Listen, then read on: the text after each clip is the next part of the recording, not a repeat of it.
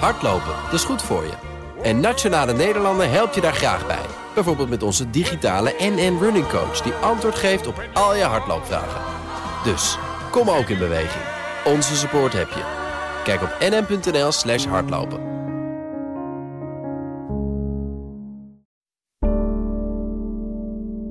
Ja, ik zou je toch willen vragen. Nee, ik wil niet meer met jullie. Dat besluit heb ik genomen en dat staat vast. Ik wil niet meer met jullie. Het is klaar. Het is Wij klaar. zijn al met Gerard Sport. En al praat je 20 uur. Ja. Ik heb een besluit genomen. Klaar. Ik stop met jullie en weg.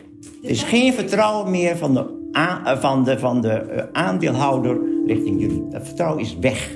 Het gaat Ik hier zou toch 80 willen vragen om jezelf ook een spiegel voor te houden. Ik heb een goede spiegel voor. En te kijken wat wij hier hebben opgeschreven. Ja, En jezelf dat is een beetje, een beetje onzin. En jezelf af te vragen, ben ik zelf wel, in dit geval ik, Gerard Sandring, wel de juiste persoon die deze problemen waarin de onderneming zit, op kan lossen. Ja.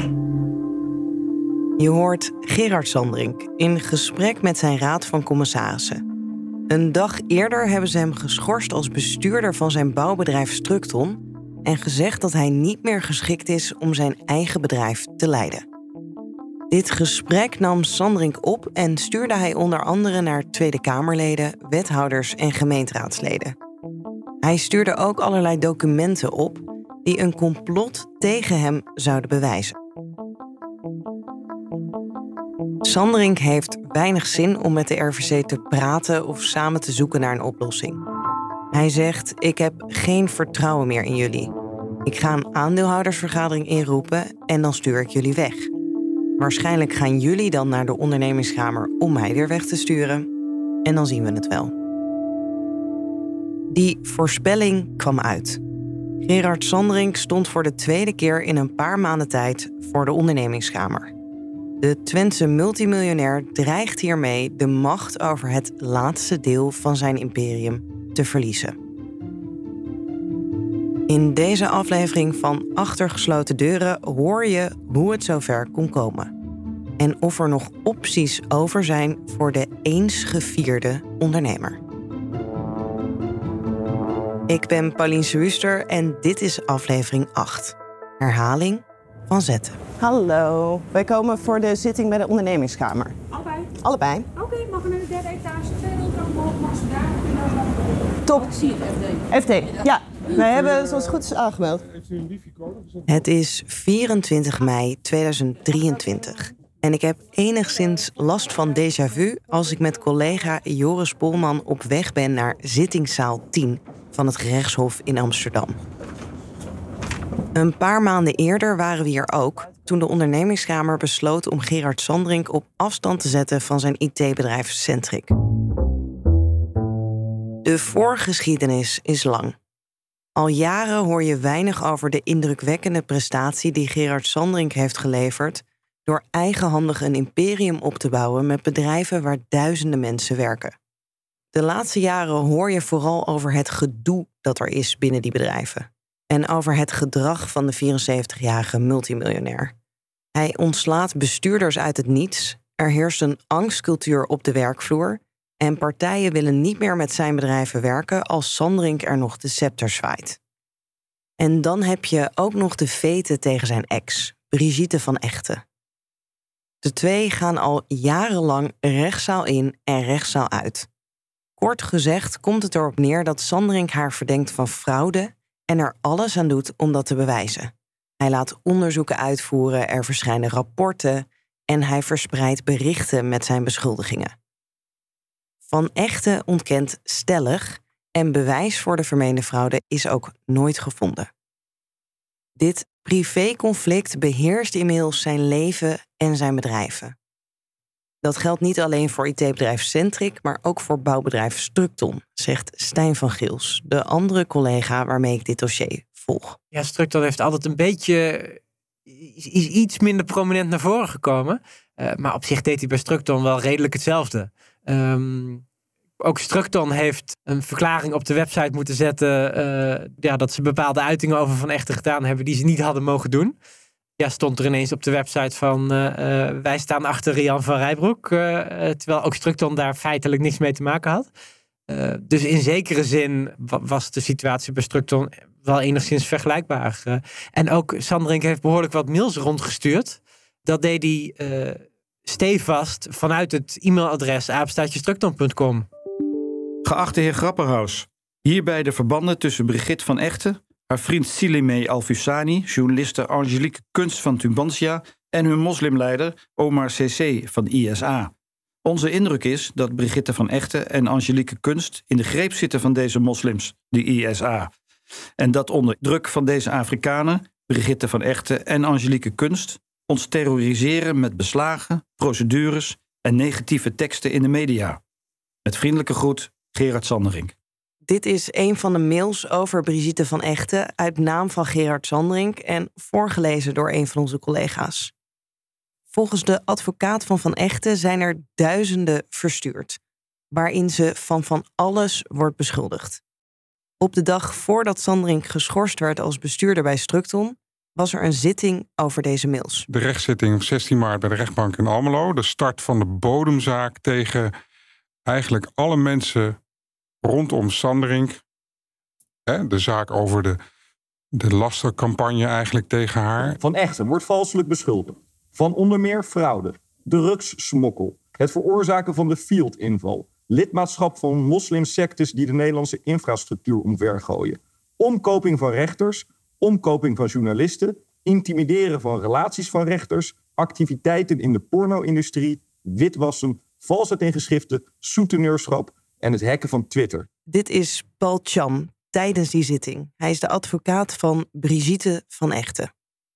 De ex van Sandring vermoedt dat zelfverklaard cyber-expert Rian van Rijbroek, inmiddels de echtgenote van Sandring, een grote rol speelt in het uiten van deze beschuldigingen.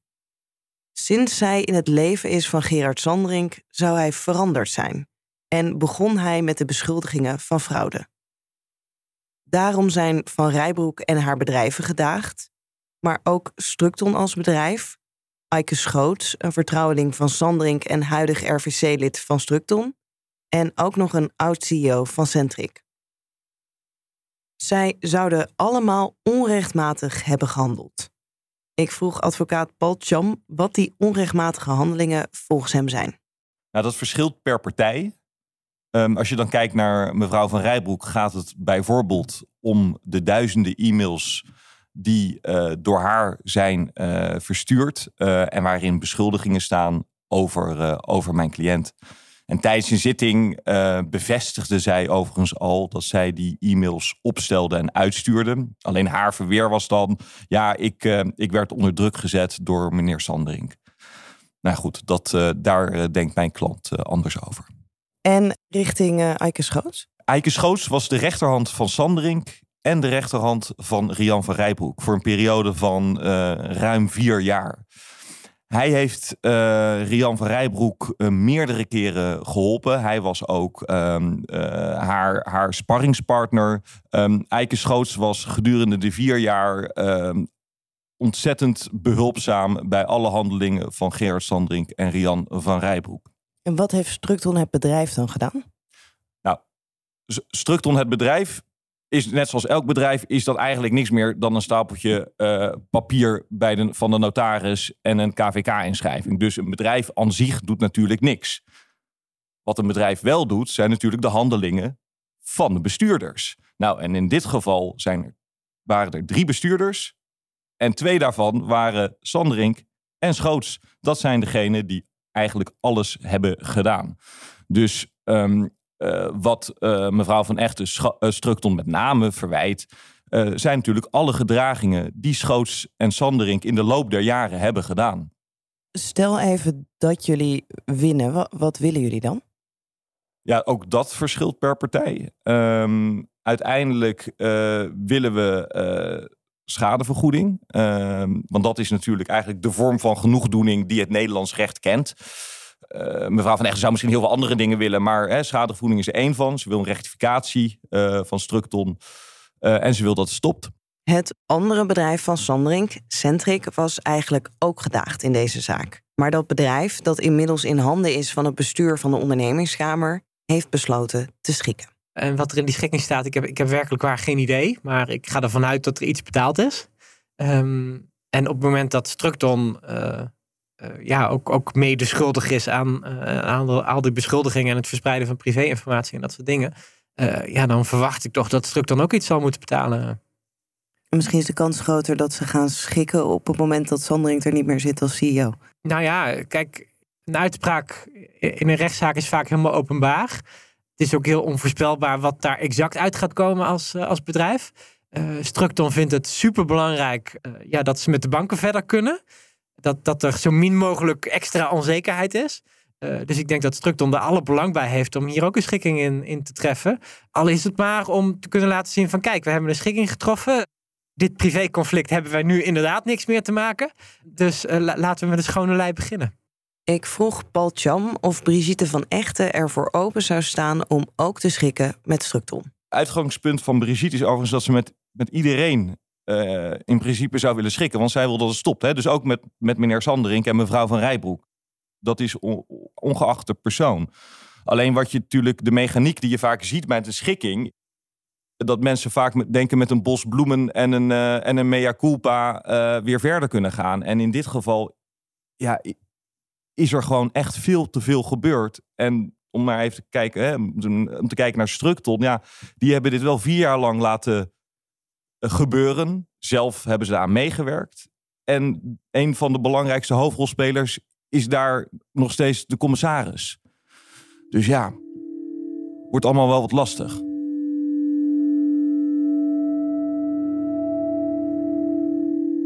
Structon zegt desgevraagd niet in te gaan op vragen over deze bodemprocedure. Zij waren als bedrijf dus gedaagd in deze zaak, maar niet aanwezig. Toen de zitting plaatsvond, was Gerard Sanderink nog CEO van Structon. In eerste instantie was hij ook niet in de rechtbank, maar later verscheen hij toch. En uh, op een gegeven moment zagen we Rian van Rijbroek uh, al een beetje zo op de telefoon zitten appen. En toen riep ze ineens: uh, Structon is onderweg. En uh, iedereen Structon onderweg. Op zich, nou ja, Structon was wel ook gedaagd als vennootschap. En die, had verstek laten gaan. En uh, nou een half uurtje later of zo ongeveer. Zwaaide die, die, die deur in de rechtszaal zwaaide open. En daar stapte, nou, stamvoetend eigenlijk, stapte daar uh, Gerard Sandering binnen. Schoots verkeert in de bijzondere positie die in de rechtspraak en literatuur wordt bedoeld. Ten eerste, Schoots is lid van de raad van bestuur van Structon die bestond overigens uit slechts drie mensen. Schoots, Sanderink, daar zou je hem hebben. Uh, en die begon meteen uh, die rechtbank uh, uit te voeteren. En het is klaar. Dat valt nog te bezien, meneer Sanderink. Hij had ook een aanvaring met, met de advocaat van, van, van mevrouw van Echten. Hij noemde hem een kleuter. Ja, en toen zei de advocaat van, van, van Echten ook... ja, maar wel een kleuter die van jou wint. Meneer Sanderink, meneer Sanderink, Meneer Sanderink, vertrekt u nu, mevrouw Rijbroek. Dit is, dit is niet goed voor niemand. Mevrouw de Bode, wilt u meneer Sanderink eh, naar buiten begeleiden? Die consternatie en, en vooral ook de beschuldigingen aan de rechtbank... en, en, het, en het feit dat, dat die rechters eigenlijk door Sanderink min of meer werden beschuldigd van corruptie... en vervolgens de publiciteit daarover... dat zal denk ik de druppel zijn geweest... want de volgende dag komt alles in de stroomversnelling... en dan wordt hij ook daadwerkelijk geschorst door de Raad van Commissarissen van Structon. De Raad van Commissarissen vond Gerard Sanderink niet meer de juiste persoon om Structron te leiden. Het bedrijf had last van zijn eigenaar en aandeelhouder. Banken wilden geen krediet meer leveren, de accountant dreigde op te stappen en op de werkvloer heerste een angstcultuur. En Sanderink had opeens de CFO ontslagen. Hij had het gevoel dat de financiële man niet eerlijk tegen hem was en documenten voor hem achterhield. De kwestie die het hoogst opliep was over 80 miljoen euro. Die had Sanderink vanuit zijn IT-bedrijf Centric uitgekeerd naar zijn holding Sanderink Investments. Eerst was het een dividend, maar om de coronasteun voor Structon veilig te stellen, moest het boekhoudkundig een lening worden. Van Centric aan Sanderink. Die lening verliep april dit jaar. En toen was Centric niet meer in handen van Sanderink, en dus zei het bestuur: wij willen die 80 miljoen euro van je terug.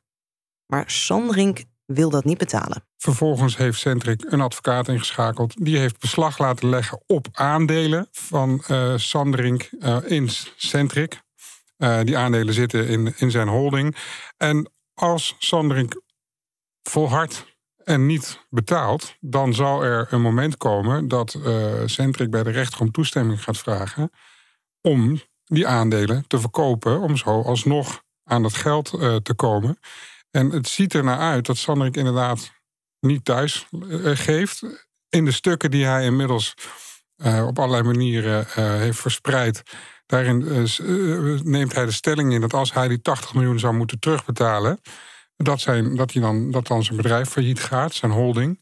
Um, en, en, en, daar verandert hij niet, al die tijd niet. En, en hij neemt geen contact op en laat niks horen. Dus het ziet er niet goed uit. Deze kwestie kwam ook uitgebreid aan bod tijdens de vergadering die er was tussen de Raad van Commissarissen en Gerard Sandring over zijn schorsing. Er vielen een paar dingen op. Hij was daar wederom met Van Rijbroek. Uh, dat is toch wel opvallend. Zij heeft natuurlijk op geen enkele manier een, een formele rol in het verhaal. Anders dan dat ze ja, inmiddels getrouwd is met, uh, met Sanderink. Dat gesprek is door hen opgenomen en later verstuurd naar allerlei politici en uiteindelijk rondgestuurd als een soort verweer voor de ondernemingskamerzitting. Je hoort wel dat die commissarissen proberen om rustig te blijven en, en uh, houden hem zo nog wat dingen voor om te kijken of hij toch nog wil bewegen. Maar naarmate dat gesprek vordert, zie je eigenlijk dat er geen enkele beweging mogelijk is bij Sanderink. Dat hij van die, ook daar van die driftige oprispingen heeft. En uh, uh, ja, dan eigenlijk komt dat riedeltje terug. Het zijn mijn bedrijven, ik ben de baas en jullie hebben er niks over te zeggen. Dat is eigenlijk iedere keer waar het weer op uitkomt. Maar het is gewoon duidelijk. Gewoon een aandeelhoudersvergadering. Ja. En ja, dan nemen we het besluit dat alle commissarissen geschorst worden. Klaar. En, en ontslagen worden. En als je dan naar de ondernemingskamer gaat, nou, dan moet je dat doen. Ik ga, er, ik ga er met plezier naartoe. Ik uh, wil meneer Fink nog wel een weer ontmoeten. Goedemorgen. Ik open de zitting van de ondernemingskamer. Aan de orde zijn verzoeken van Oranjewoud NV en Structon Groep NV... met betrekking tot die vennootschap. Dit is de Fink waar Sandrink het over had. De voorzitter van de ondernemingskamer. Van de zijde van Sandrink Investments en voor zichzelf is meneer Sandrink aanwezig. Welkom, u bent bestuurder van Sandrink Investments. Toch? Ja. Juist. En u heeft ook meegenomen uw echtgenote, mevrouw Sandrink. Welkom. Een paar maanden geleden zaten Gerard Sandrink en Rian van Rijbroek ook al tegenover hem. Toen vertelde hij ze dat Sandrink de macht kwijtraakt over zijn IT-bedrijf Centric. Nu dreigt hetzelfde te gebeuren bij Structon. De RVC denkt dat hij niet meer in staat is om zijn bedrijf te leiden. Sandrink denkt dat er een complot tegen hem gaande is. Je ziet dat hij telkens weer met nieuwe complottheorieën komt. En telkens weer uh, nog weer buitennissiger, vreemder. En uh, nu had hij het weer over de Russische maffia en oligarchen. En er werd van alles bijgehaald. En uh, je, hoeft, je hoeft daar maar twee of drie minuten naar te luisteren. En je weet van, oeh, dit, deze man die is ontspoord. En het is overduidelijk dat hij er ook echt in gelooft dat de wereld zich tegen hem heeft gekeerd. En dat hij slachtoffer is van een enorm complot waar iedereen en alles, media en de Nederlandse rechters, de politiek. Nou, inmiddels is ook de Russische maffia, iedereen is daarbij betrokken. Ja. Voordat de zitting goed en wel kan beginnen, neemt Sandrink het woord. Hij zegt dat hij geen vertrouwen heeft in de onpartijdigheid van de ondernemingskamer en ze dus wil wraken. Hij probeert een betoog af te steken over wat hij van het Centric-vonnis vindt. Meneer Sandrik, u moet nu even, even luisteren. U krijgt straks het woord weer. Wat er gaat gebeuren, u heeft ons gezegd dat u iedereen achter deze tafel wil wraken. Ik begrijp dat u daarmee bedoelt de raadsheren en de... Eigenlijk mag Sandrink, die geen advocaat kon vinden om hem bij te staan, niet wraken. Het wordt toch toegestaan. De wrakingskamer hoort een heel betoog aan van Sandrink over het complot dat hij ziet. Gevraagd wordt er niet en de zitting gaat weer door. Dat is de druppel voor Sandrink. Hij probeert nogmaals het woord te nemen. Als dat niet lukt, verlaat hij met Rian van Rijboek aan zijn zijde de zaal. Met luide stem wenst hij de ondernemerskamer veel succes vandaag met het stelen van zijn bedrijven. De zitting gaat verder zonder Sandrink en de advocaat van Structon neemt het woord. Het komt erop neer dat niet alleen de leden van de RVC en hun advocaat, maar ook uw ondernemerskamer en de functionarissen die reeds benoemd zijn bij Centric onderdeel zouden zijn van een complot om de ondernemingen van Sanderink in handen van de Russische maffia te laten vallen. Op die verwijten zal en kan ik niet verder ingaan dan daar expliciet afstand van te nemen en deze naar het Rijk der Fabelen te verwijzen. Dat Sanderink inmiddels in een geheel eigen realiteit lijkt te leven en er niemand meer in staat lijkt hem tot de reden te brengen, is natuurlijk een persoonlijk drama voor hem. En de RVC maakt zich ook oprecht zorgen over zijn gezondheid, zowel fysiek als mentaal. Dat neemt echter niet weg dat ingrijpen door de ondernemingskamer geboden is. Ehm, ik ga u verklappen dat we niet vandaag uitspraak gaan doen. Uh, dat heeft er ook mee te maken dat we er toch goed over na willen denken. En als we enigszins de tijd nemen, uh, uh, kunnen we toch misschien nog wat beter opschrijven wat er, wat er beslist moet worden. Iets meer dan een week later komt de uitspraak. Sanderink wordt op afstand gezet bij Structon en moederbedrijf Oranjewoud. Hij blijft geschorst als bestuurder en ook zijn aandelen, behalve één, komen in beheer. En er komt een onderzoek naar Structon of er wanbeleid is geweest. Hiermee is Gerard Sanderink officieel de macht kwijt over het laatste deel van zijn imperium. Of zoals Sanderink het zou zeggen, nu zijn al zijn bedrijven gestolen. Hij, hij vindt dat zijn bedrijf is afgepakt. En ergens is dat ook zo. Um, de, de waarde van het bedrijf, uh, als, als dat verkocht wordt, dan zo krijgt hij daar nog steeds het geld voor. Uh, dus in die zin is hij het niet kwijt. Maar daar ging het hem niet om. Het, het, het ging erom dat hij um, zijn hele leven ondernemer is geweest. Of in ieder geval een heel groot deel van zijn leven. En dat ondernemen, dat was zijn leven. Hij, hij ging, als hij ergens naartoe ging, ja, dan, dan, dan ging hij onderweg uh, jaarrekeningen lezen. Uh, hij, hij was eigenlijk met niks anders bezig dan, dan zijn bedrijven uh, proberen anders te organiseren en, en, en daarmee effectiever te maken. En volgens mij is zijn leven niet heel veel meer dan dat. Ja, nu is Rian van Rijbroek erbij gekomen, maar die onderneming, dat, dat was hij. En dat dan iemand opstaat die zegt van, uh, nu is het afgelopen, het kan zo niet verder, nu, nu mag jij hier niet eens meer binnenkomen. Ik, ik, kan me heel goed voorstellen dat het dramatisch voor hem is. En traumatisch. En, en dat hij het daar gewoon echt heel moeilijk mee heeft. We hadden natuurlijk heel graag Gerard Sanderink zelf aan het woord gelaten. Maar helaas wil hij niet met Joris, Stijn en mij praten. Dat werd afgelopen november wel duidelijk toen zijn advocaat Paul Acta aan het pleiten was bij de ondernemingskamer. Juist de journalisten van Tubantia en het FD melken de media-aandacht voor de zaak Sandrink ook uit. Podcasts zijn gemaakt over Sandrink en mevrouw van Rijbroek. Dit allemaal met tendentieuze en bizarre achtergronden. Even een uitstapje. Een podcast um, um, van het FD achter gesloten deuren met een titel: De ondernemer en de meesterhacker de bedrijven en de miljoenenerfenis. En dan het laatste deel, de boerenzoon en de Saoedische prins. Je kan je voorstellen dat we dus nogal verbaasd waren toen we hoorden dat onze collega Renaud Vestergaard, die over de bouw schrijft, Sandrink wel te spreken kreeg. Hij sprak een half uur met hem na de zitting en een half uur toen het vonnis van de ondernemingskamer binnen was. Ik uh, weet van de, van de problemen, heb ik in het begin ook gezegd. Hij begon er in het begin ook over.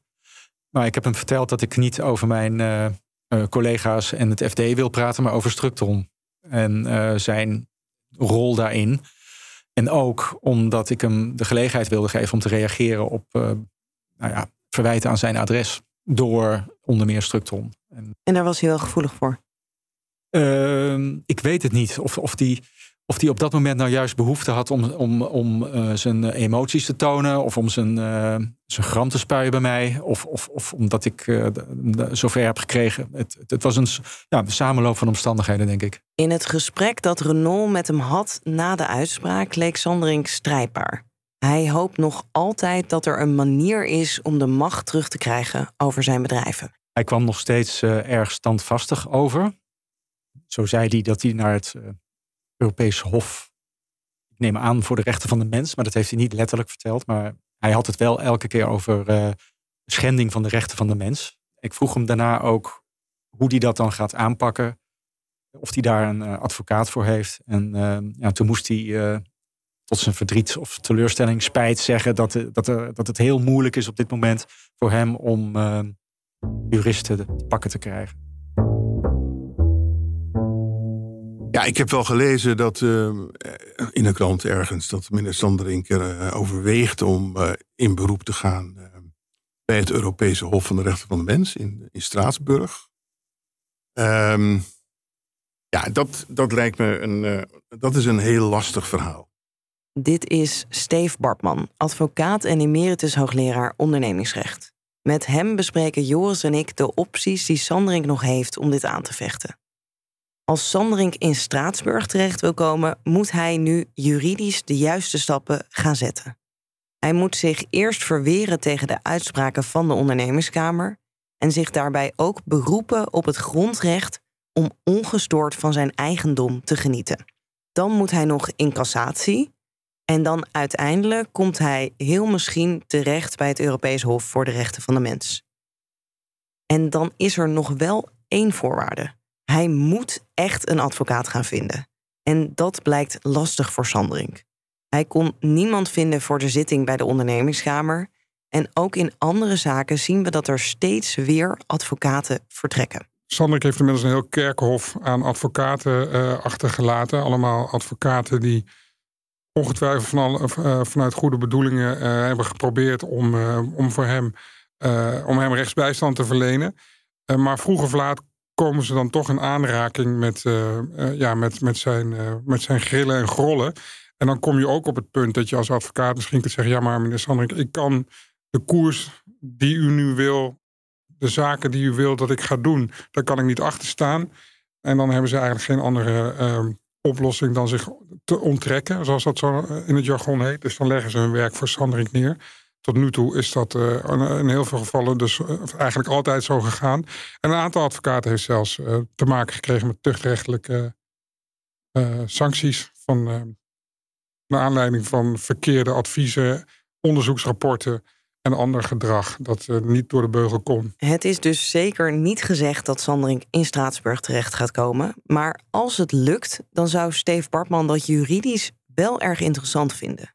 Want dat Sanderink voor onbepaalde tijd de macht over zijn bedrijven kwijt is, gaat best ver, vindt hij. Ik, ik kan ik mij niet voorstellen dat de ondernemerskamer hier in een heel algemeen gevoel van tevredenheid heeft. Van, nou, we hebben de wet fijn toegepast op de manier zoals de wetgever het bedoeld heeft.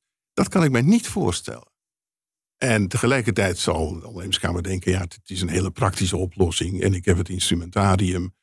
Uh, en, en, en, de ondernemingsraad schaart zich erachter en de raad van commissarissen hebben goede argumenten. Dus hè, gaan we die men aan. Maar eh, nogmaals, vanuit een puur principieel oogpunt, juridisch principieel oogpunt, kun je toch echt wel de vraag stellen of dit gebruik van een tijdelijke voorziening, ja, die kun je niet eh, tot in lengte van jaren blijven, blijven verlengen. Dan begint het toch te ruiken naar diefstal. Nou, ja, eh, die woorden ga je, zal ik niet gebruiken. Maar uh, het, het, uh, het is op het scherp van de snede, laat ik het maar zo zeggen. Formeel zijn de voorzieningen die de ondernemingskamer nu heeft getroffen bij Structon en Centric tijdelijk. Maar de vraag is of dat praktisch ook zo uit gaat pakken. Wat moet meneer Sanderink eigenlijk aanvoeren om deze voorziening uh, weer kwijt te raken? Kan hij zeggen, nou, ik ga me nou voortaan goed gedragen. Misschien wel hè, bij een psycholoog geweest of een psychiater. Ben ik onder behandeling. Trek me ook niets meer aan van de adviezen van mijn echtgenote. Zij voor komt met zo'n verklaring. Nou, dan neemt hij eigenlijk alle bezwaren weg dan de ondernemerskamer kunnen zeggen: Ja, nou ja, dan moeten we, die, moeten de aandelen maar weer terug. Nee, gaat niet gebeuren natuurlijk. Dat, eh, je kijkt me aan, maar dat gaat natuurlijk niet gebeuren. dus hij kan eigenlijk helemaal niets. En ja, nogmaals, het geeft een vreemde smaak. De vraag die dan opkomt is: is dit nog wel rechtmatig? Als de wetgever dit soort maatregelen heeft bedoeld als tijdelijk, en de ondernemingskamer zet ze de facto voor onbepaalde tijd in. Zou Sandrink dan toch een zaak hebben in Europa als hij betoogt dat zijn eigendomsrecht hier wordt aangetast? Het zou pleitbaar zijn. Je zou het kunnen proberen. In Straatsburg. Het klinkt dus aan de ene kant alsof jij zegt: ja, er gebeurt hier iets wat misschien net wat te ver gaat. Of je zou kunnen pleiten dat het net iets te ver gaat. Ja, dat lijkt me goed geformuleerd. En aan de andere kant eh, hoor ik ook niet echt een scenario waarin Gerard Sandring ooit de macht weer terugkrijgt over zijn imperium. Nee, en waarom is dat? Omdat, nou, stel dat hij uh, wel ontvankelijk is. Hè, dus moet hij het nodige doen. Hè. Maar stel dat hij vervolgens dan ontvankelijk uh, wordt verklaard in Straatsburg. En stel dat het, het Hof hem gelijk geeft. Ja, dan nog grijpt dat niet in in deze OK-procedure en de voorzieningen die de ondernemerskamer heeft getroffen. Ja, dus dan zou er eh, even vanuit gaan dat het zo loopt. Dan zou er principieel worden gezegd: hey, op deze manier um, het ondernemingsrecht toepassen door de ondernemingskamer. Dat mag eigenlijk niet, dat gaat te ver. Ja. Um, en dat is dus gebeurd bij meneer Sanderink. Maar wat er bij meneer Sanderink is gebeurd, dat draaien we niet terug, want dat kunnen wij niet. Zo is het. Dat, dat lijkt me heel uh, frustrerend. nou ja, hij heeft dan in elk geval, als het zo gaat, het is een zeer hoopvol scenario voor meneer Sandering. Maar als het zo gaat, dan heeft hij in ieder geval een, een zekere ja, mentale genoegdoening. Voordat Sanderink misschien die mentale genoegdoening krijgt, vallen er dus nogal wat juridische hordes te nemen. Tot die tijd is hij nog wel economisch eigenaar van zijn imperium, maar kan hij er niet meer over beslissen. En dan hangt ook nog die kwestie van de 80 miljoen euro boven zijn hoofd, die Centric van hem wil hebben. Sandring zegt: die heb ik niet. Als ik dat moet betalen, dan is Sandring Investments failliet. Centric die lijkt de zaak door te gaan zetten, ook al willen ze daar niks over zeggen.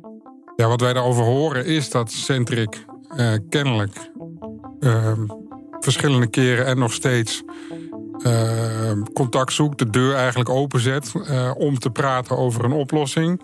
Die gaat dan over die 80 miljoen, maar die gaat misschien ook wel breder en dieper over de uiteindelijke toekomst en oplossingen voor het bedrijf. En daar maakt hij geen gebruik van. Um, en dat is, uh, dat is de situatie nu. Als je dus daar je kop in het zand steekt, waar het nu dus op lijkt, dat, heeft, dat, dat kan alleen maar verkeerd aflopen dan. Mag ik nog één ding meer zeggen? Zeker. Um, het is heel schrijnend wat er met, met Gerard Sanderink nu gebeurt. En hoe die in ieder geval in beslissingsmacht al zijn bedrijven kwijtraakt. En ik zou het ergens toch ook wel jammer vinden als, als dat dan de enige herinnering wordt aan uh, ja, wat, wat hij opgebouwd heeft. Uh, uh, namelijk die periode waarin hij het afbrak. En ik, ik hoop ergens dat ja, het, het, het, moment dat hij zijn bedrijven opbouwde en, en ja, bezig was om, om van soms slechte bedrijven iets, iets moois te maken. Ja, dat dat toch ook wel uh, af en toe weer eens te sprake komt. Uh, het, is, uh, het is heel schrijnend hoe hij het verliest, maar het, het, is nog steeds ongelooflijk knap wat hij voor elkaar heeft gekregen in de periode daarvoor. En dat moeten we denk ik ook niet vergeten.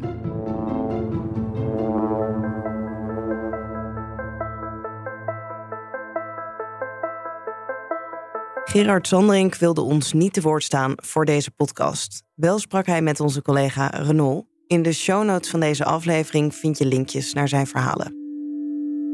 Structon en de Raad van Commissarissen wilden ook niet met ons praten voor deze podcast. Zij reageerden wel schriftelijk. Ze gaven aan nog steeds respect te hebben voor de heer Sanderink als het gaat om de bedrijven die hij heeft opgebouwd. De stappen die ze hebben gezet noemen ze noodzakelijk voor de ondernemingen. Ze zijn blij met de duidelijkheid die de uitspraak van de ondernemingskamer heeft gegeven en richten zich daarmee nu vooral op de toekomst. Ook Centric wilde niet optreden in deze podcast en commentaar geven op de kwestie van de 80 miljoen euro. Ze geven aan dat ze over schulden en vorderingen alleen communiceren via het jaarverslag. Dit was aflevering 8 van het eerste seizoen van Achter gesloten deuren. Onze eerdere afleveringen over Gerard Sandring zijn nog steeds te beluisteren. En ook ons tweede seizoen over de grote beloftes van Finfluencers vind je overal waar je podcast luistert. Redactie en productie van deze podcast was in handen van mij, Paulien Suster, met hulp van Joris Polman, Stijn van Geels, Renault Vestergaard en Anne Wilnervens. Dank ook aan Yilda Bijboer en Rob de Lange. Muziek door Visionair Ordinaire en mixage door Gijs Vriezen. Bedankt voor het luisteren. Business Booster. Hey ondernemer, KPN heeft nu Business Boosters. Deals die jouw bedrijf echt vooruit helpen. Zoals nu, zakelijk tv en internet, inclusief narrowcasting... de eerste 9 maanden voor maar 30 euro per maand. Beleef het EK samen met je klanten in de hoogste kwaliteit. Kijk op kpn.com businessbooster. Business Booster.